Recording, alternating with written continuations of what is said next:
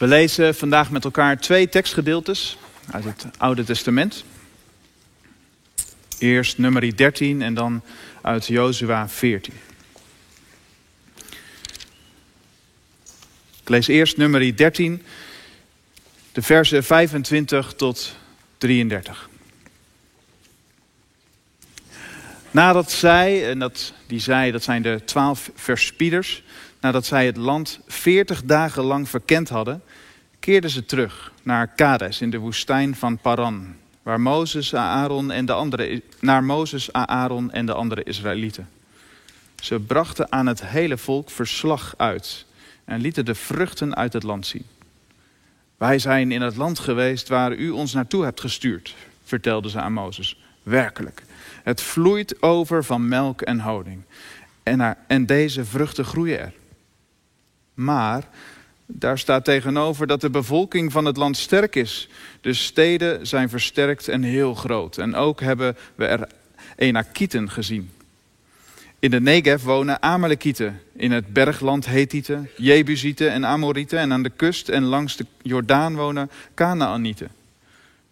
Caleb, die wilde voorkomen dat het volk zich tegen Mozes zou verzetten, zei... We kunnen zonder problemen optrekken en het land in bezit nemen. We kunnen dat volk makkelijk aan. Maar de mannen die met hem mee waren geweest zeiden: We kunnen dat volk niet aanvallen. Het is te sterk voor ons. En ze vertelden de Israëlieten allerlei ongunstigs over het land dat ze verkend hadden. Het land dat wij, hebben, dat wij op onze verkenningstocht doorkruist hebben, zeiden ze, verslindt zijn inwoners. En alle mensen die we er gezien hebben, waren uitzonderlijk lang. We hebben daar zelfs reuzen gezien, de Enakieten. Vergeleken bij dat volk van reuzen voelden wij ons maar nietige sprinkhanen. En veel meer zullen we in hun ogen ook niet geweest zijn. Tot zover het eerste gedeelte.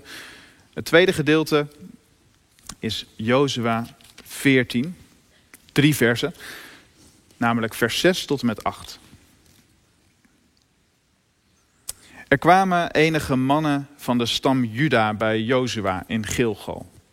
Een van hen was Caleb, een Keneziet, een zoon van Jefune.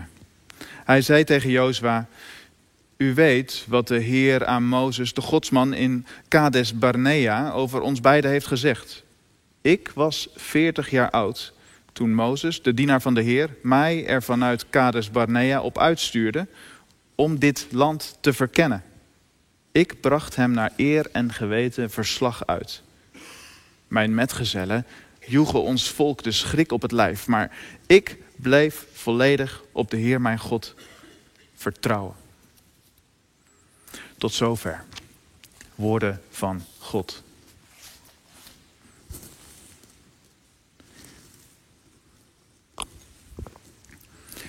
Ik denk dat ik een jaar of 13, 14 geweest was. Toen ik een, eh, een boek in mijn handen gedrukt kreeg waarop stond Kruis in de asfaltjungle. Een boek van David Wilkerson, een uh, Amerikaanse predikant. Ik weet niet, het was misschien van mijn ouders of van mijn grootouders. Ik dacht van, zal ik dit lezen? Oké, ik geef het een kans. En ik begon erin te bladeren en het pakte me gelijk. Het verhaal gaat namelijk, het, is geschreven door David Wilkerson zelf, die zijn eigen verhaal vertelt. En hij vertelt hoe hij als jonge predikant op het platteland in Amerika terechtkomt in een heel klein gehuchtje, een kerk, ver weg van de grote steden in Amerika.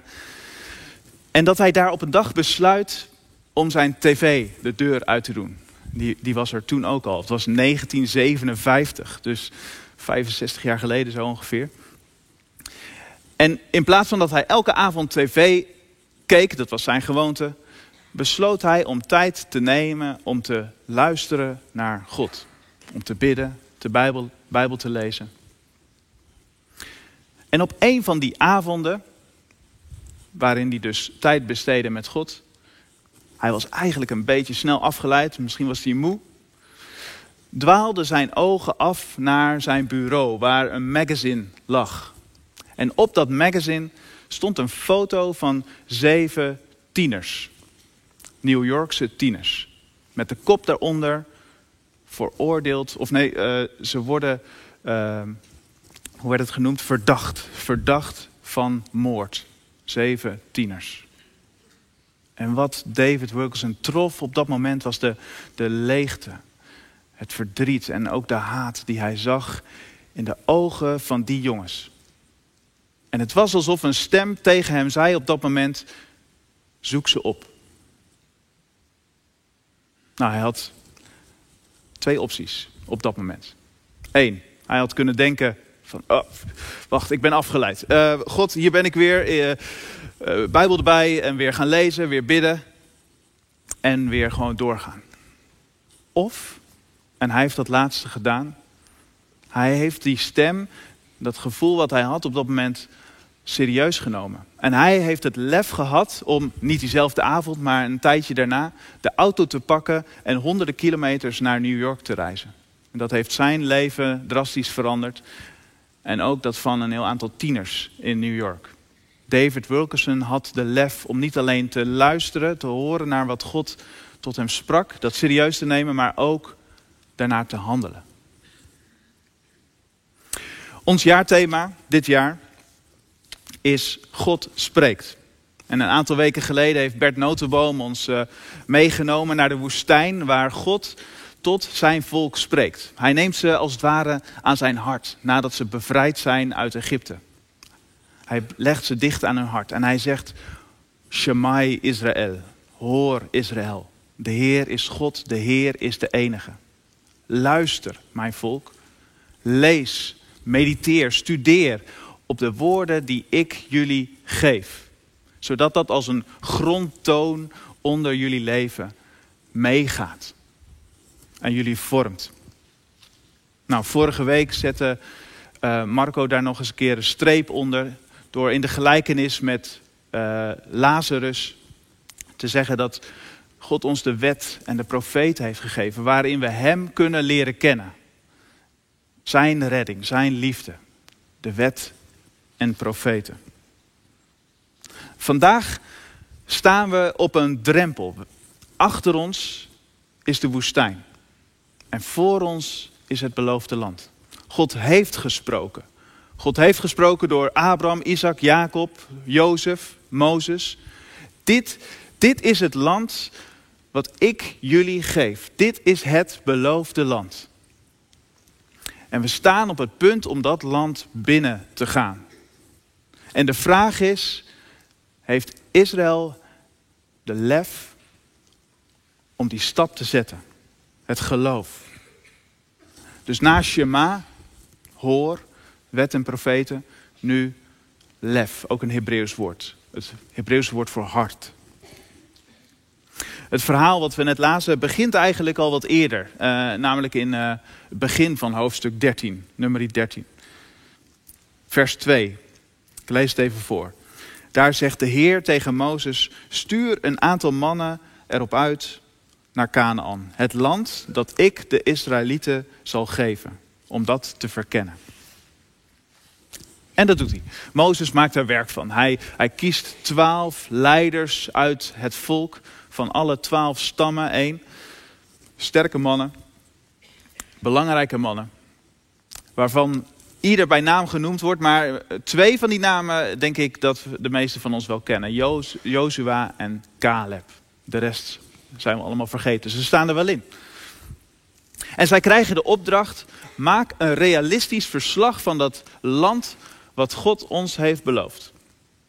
Dus kijk of die grond vruchtbaar is of niet, of de steden versterkt zijn of niet, of er sterke legers daar zitten of niet. Een realistisch verslag. En dat doen ze. Het moet een enorm avontuur geweest zijn, kan ik me voorstellen. Met uh, twaalf mannen wekenlang een uh, gebied doorgaan waar je als een soort spion geheimzinnig uh, informatie moet ophalen. En na die veertig dagen, is een symbolisch getal, getal van de volheid, komen ze weer terug bij het volk Israël. En daar begint het tekstgedeelte wat wij net hebben gelezen. Ze keren enthousiast terug op het eerste gezicht. Het is een land van melk en honing, zeggen ze. Melk en honing is misschien een beetje Als je dat probeert voor te stellen, alsof het hele land vol ligt met melk en honing, lijkt me niet heel prettig om, uh, om te wonen. Maar het is natuurlijk een, een beeldtaal van die tijd om aan te geven dat het land heel vruchtbaar was. Het was een goed land. Je wilde daar graag zijn. Misschien als je het naar onze taal een beetje zou vertalen, dan zou je kunnen zeggen, ja dat, dat land is zo prachtig. Je, het maakt niet uit waar je een foto neemt. Je kan het gelijk op Instagram zetten zonder filter, want het is zo mooi daar. Het is een perfect land. Land van melk en honing. En in kinderbijbels, de meeste, staan er altijd van die mooie plaatjes van twee mannen met een enorme balk tussenin en druiventrossen, zo groot als die mannen zelf. Overvloed. Meer dan genoeg. Het beloofde land. En dan, in vers 28, komt er een ommekeer in hun verslag. Daar staat het woordje maar. Het is een prachtig land, maar. Het land van melk en honing, maar. Er is meer dan genoeg, u heeft het beloofd, maar. Dat woordje maar. Dat ligt altijd op de loer. Als God iets belooft, als God iets zegt tot ons, dan ligt dat woordje maar altijd op de loer. God, ik weet wat u van mij vraagt, maar. Of God, het is beter als ik dit loslaat, maar. Of God, u vraagt mij deze stap te zetten in vertrouwen, maar. Dat, dat woordje maar. Dat maakt het verschil. En in de Bijbel zou je kunnen zeggen van er zijn steeds momenten dat er, dat er um, mensen van God zijn die zeggen ja maar. En mensen die zeggen ja Heer. Sarah zei ja maar ik ben toch veel te oud. En Maria zei ja Heer doe maar met mij wat u wilt. Sal die zei, ja maar jij bent toch veel te klein, je kan toch nooit Goliath verslaan. En David zei, ja heer, u zult mij helpen. Wat is jouw maar? Als je eerlijk bent. En dan komt Caleb. Caleb die, die houdt moed, die heeft lef. En die probeert het volk weer nieuwe moed in te spreken. Want hij ziet al die kopjes die gaan hangen van al zijn volksgenoten. En hij probeert tussen beiden te komen. Want hij ziet ze al eh, dat ze gaan klagen, boos worden op Mozes. Caleb toont lef. En eh, hij heeft precies hetzelfde gezien hè, als die tien anderen. Hij heeft ook de, de steden gezien, hij heeft dat land gezien. Hij heeft de sterke mensen die daar wonen gezien. En toch en toch zegt hij wat anders. Toch houdt hij zich vast aan die belofte van God.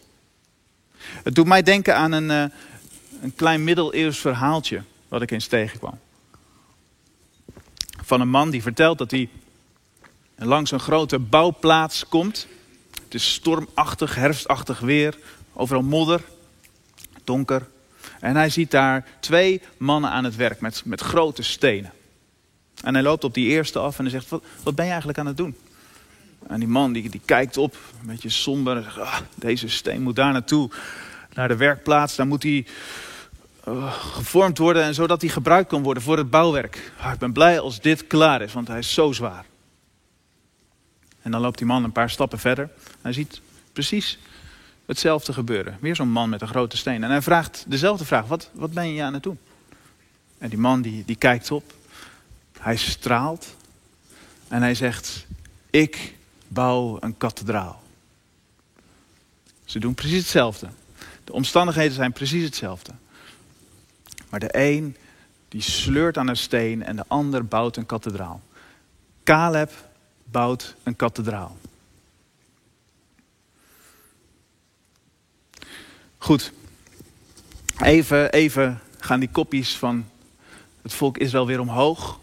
Even is er misschien hoop. Maar dan, dan komen die tien anderen weer aan het woord. Tien hè? Tien tegen twee. Eh, het is wel de meerderheid.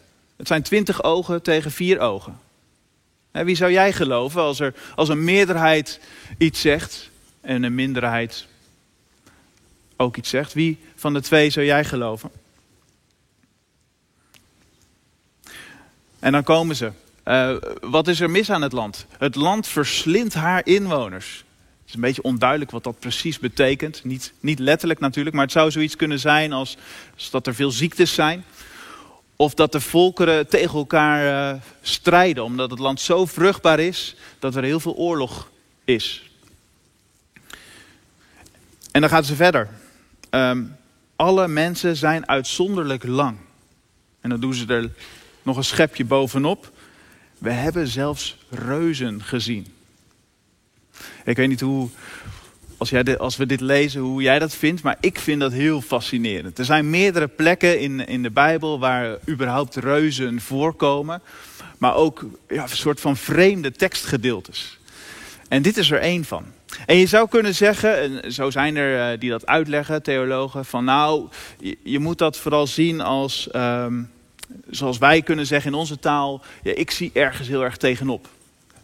Bedoel je niet dat, dat waar je naartoe gaat, dat dat groter is dan jou, dat die mensen groter zijn dan jij, maar dat je, dat je iets heel spannend vindt. En het zou kunnen zijn dat de verspieders dat hier ook zo bedoelen. Ja, die mensen zijn zo groot, zo sterk. Niet dat ze letterlijk groter zijn, maar dat ze er gewoon tegenop zien.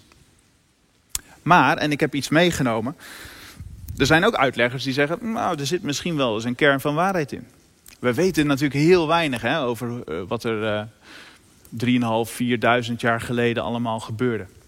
Maar er is een, uh, een uh, en er wordt nu aan gewerkt, er is een, een, een, soort afbeelding, die heeft een, Rome of een, een farao laten maken. Farao Ramses II. Iets na deze periode, na, deze, na de uittocht uit Egypte. En wat je hier ziet is in het midden, als je goed kijkt, zie je twee grote gestaltes. Dat zijn twee verspieders, twee spionnen uit Canaan. En daaromheen staan Egyptische soldaten. En wat opvalt is dat die twee verspieders, die twee spionnen, die zijn een stuk groter dan die Egyptische soldaten. Heel frappant. Want als jij uh, een overwinning behaalt, ga je je vijand natuurlijk niet groter afschilderen dan nodig. Behalve als ze daadwerkelijk misschien groter waren. Omdat je er trots op bent dat je ze hebt overwonnen. Dankjewel. Dus of dit nu spreekwoordelijk is, reuzen, of misschien wel echt, dat laat ik even in het midden. Maar de vraag die deze tekst aan mij en ik denk ook aan jou stelt, is: wat zijn nou jouw reuzen? Als God heeft gesproken, als God zijn beloftes heeft gegeven aan jou in zijn woord.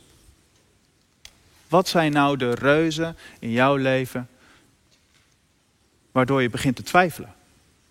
Waardoor je omhoog kijkt en denkt, ja, dit, dit gaat niet lukken, God. U, u zegt wel dat ik deze kant op moet gaan. U zegt wel dat ik de volgende stap moet nemen, maar dit, dit kan toch niet? Dat, zij zijn toch veel te sterk? Dit kan ik toch nooit overwinnen? Tegenover reuzen eh, kunnen we ons klein gaan voelen. Kunnen die beloftes van God en wat Hij gezegd heeft, kan ver weg lijken. En we hebben dan de neiging om te blijven hangen in wat we zien. Terwijl Gods woorden ons willen uittillen daarbovenuit. Om te zien wat nog gaat komen en niet wat nu al is. Ik zei het net al even, hè, die, die twee, Jozua en Caleb, die zien, wat, die zien hetzelfde, maar die reageren anders dan die tien. Die tien, die raken in paniek. En die twee, die hebben vertrouwen, die hebben lef. En hoe komt dat? Terwijl ze precies hetzelfde zien, precies hetzelfde meemaken. Nou, ik denk dat die tien spionnen, die vergelijken zichzelf met de reuzen. En Caleb en Jozef, die vergelijken de reuzen met God. Dus die tien, die vergelijken zichzelf met de reuzen. En Caleb, die lef heeft, die vergelijkt die reuzen met God. We maken nog een sprong. Nog even naar Jozua. Jozua 14. Het is uh, eh, 45 jaar later. Het volk is het beloofde land uiteindelijk ingetrokken. En die Caleb, die man die lef toonde, die uh, is inmiddels 85 geworden. Dat is een oude man. En hij stapt af op zijn, denk oude vriend Jozua. Jozua is de leider geworden van het volk. Hij heeft de plek van Mozes overgenomen. En, en Caleb die herinnert Jozua aan de belofte die God aan hem heeft gedaan. Dat is eigenlijk wat Caleb steeds deed. God herinneren aan zijn belofte. God, u, dit land is van u. U heeft het ons beloofd. En daarom kunnen wij deze reuzen verslaan. Daarom kunnen wij dit land binnengaan. En hij krijgt een stuk land. Dat wordt hierna verteld. Caleb krijgt het stuk land wat, wat God hem heeft beloofd. En dat is een beetje het, het, het, contrast wat ik hier wil neerzetten. Caleb, die dus als 85-jarige uh, eh, met lef heeft geleefd en daarin gezegend wordt. En het volk Israël, of die tien verspieders, die uh, berekenend zijn, die bang zijn, die kijken naar de reuzen en daar zich door laten weerhouden. En ik wil dat illustreren aan de hand van wat water, bekers.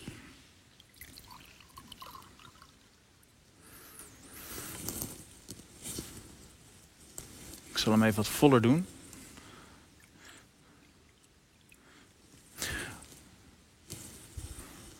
Kijk, we kunnen leven met. Ik doe hem iets naar achteren, zodat daar ook de mensen het kunnen zien. Als we leven met een ja maar, dan leven we berekenend. Dan leven we te voorzichtig. Ja, maar God, ik weet niet of u dat echt wel hebt gezegd. En als je voorzichtig, als je berekenend, als je met een ja maar leeft, dan gaat er heel veel uh, langs. Komt wel wat in, maar er gaat een hele hoop langs. Als je leeft met lef, zoals Caleb, en je leeft in het vertrouwen dat wat God jou heeft beloofd, wat God tot jou heeft gesproken, dan leef je op deze manier. Een vol glas. De belofte, de volle rijkdom van de belofte die God jou heeft toevertrouwd. Zoals Caleb die dat heeft ontvangen. Dat is de rijkdom, dat is de volheid die God ons wil geven. Maar dat vraagt wel om lef. Dat vraagt om, om leven met lef. Leven in vertrouwen. Ik ga afsluiten. God die zoekt kinderen, tieners, jongeren, volwassenen en ouderen die durven te leven met lef. Die durven te vertrouwen op wat God spreekt, wat God zegt. Zoals ook die David Wilkerson, die leeft met lef. En dat betekent niet dat je dan uh, heel sterk of heel dapper of heel stoer moet zijn of altijd je woordje moet hebben klaar liggen. Nee, misschien juist wel niet. Misschien zoekt God juist wel degene die, die van zichzelf zeggen van ja, nou, ik, ik ben niet zo dapper. Ik ben niet zo sterk maar die wel durven te vertrouwen op God. Dat Hij sterk is. Dat Hij goed is, dat Hij dapper is. En dat Hij ons zal helpen. Er is een mooi verhaal in het Nieuwe Testament waarin uh, Jezus een man ontmoet wiens zoontje heel ernstig ziek is. En hij vraagt aan die man, geloof jij dat ik jouw zoon beter kan maken? En de reactie van die man is treffend. Hij zegt, ja, ik geloof. Maar kom mij ongeloof te hulp. En dat is wat Jezus doet. Hoe goed is het dat ook al, en dat ben ik helemaal niet anders in dan de rest van de wereld. Uh, ook al hebben wij soms te weinig lef, te weinig vertrouwen, te weinig geloof. Als wij God vragen om ons tegemoet te komen in ons gebrek aan geloof, dan doet Hij dat. En dan kunnen we dat hele kleine beetje lef wat we hebben, daar maakt Hij, daar gaat Hij mee verder. Dat maakt Hij groter. Op welke manier heeft God al tot jou gesproken? Door zijn woord, door wat je in het verleden al hebt gehoord, meegemaakt. Welke stap vraagt hij van jou om te zetten? Wat is dat beloofde land wat eigenlijk voor je zit, waarvan je misschien op de drempel staat, waarvan hij zegt: neem die volgende stap. Misschien is het wel de eerste stap. Wil jij op mij vertrouwen? Wil jij in mij geloven? De eerste stap om Jezus te gaan volgen. En dan komt er misschien een maar. Of zie je reuzen. Wees dan moedig en heb lef. Heb lef om die stap te zetten zoals Caleb dat deed. Ik sluit af met woorden die Mozes spreekt tegen het volk. Nadat ze een tijd lang nog weer rond hebben gezworven in de woestijn, omdat ze die stap niet durfden te zetten, het beloofde land in, stuurt God ze terug in de woestijn. En na 40 jaar staan ze weer opnieuw op die drempel, het beloofde land voor zich, de woestijn achter zich. En Mozes bemoedigt hen dan met woorden uit Deuteronomium 31, vers 8. De Heer zelf gaat voor je uit. Hij zal je bijstaan en geen moment van je zijde wijken. Wees niet bang en laat je door niets ontmoedigen. Amen. Laten we samen bidden.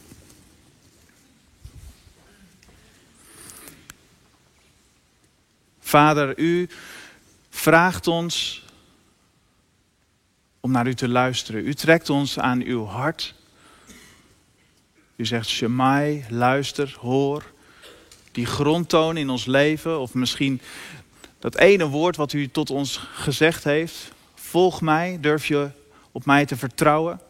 Dat ik jouw leven in mijn hand heb, dat ik jouw zorgen ken. Leg ze bij mij neer.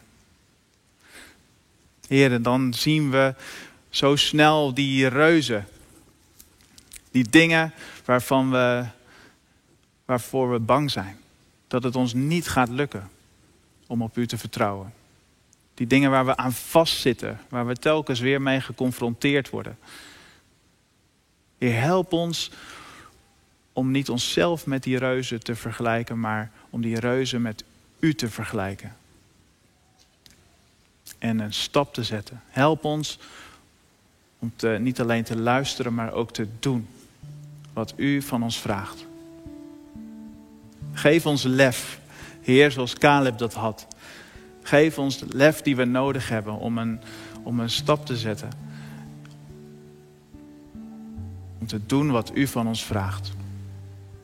Heer, we danken u dat u ons tegemoet komt. U komt ons ongeloof en ons gebrek aan vertrouwen komt u tegemoet. Zo genadig en liefdevol bent u. In Jezus' naam. Amen.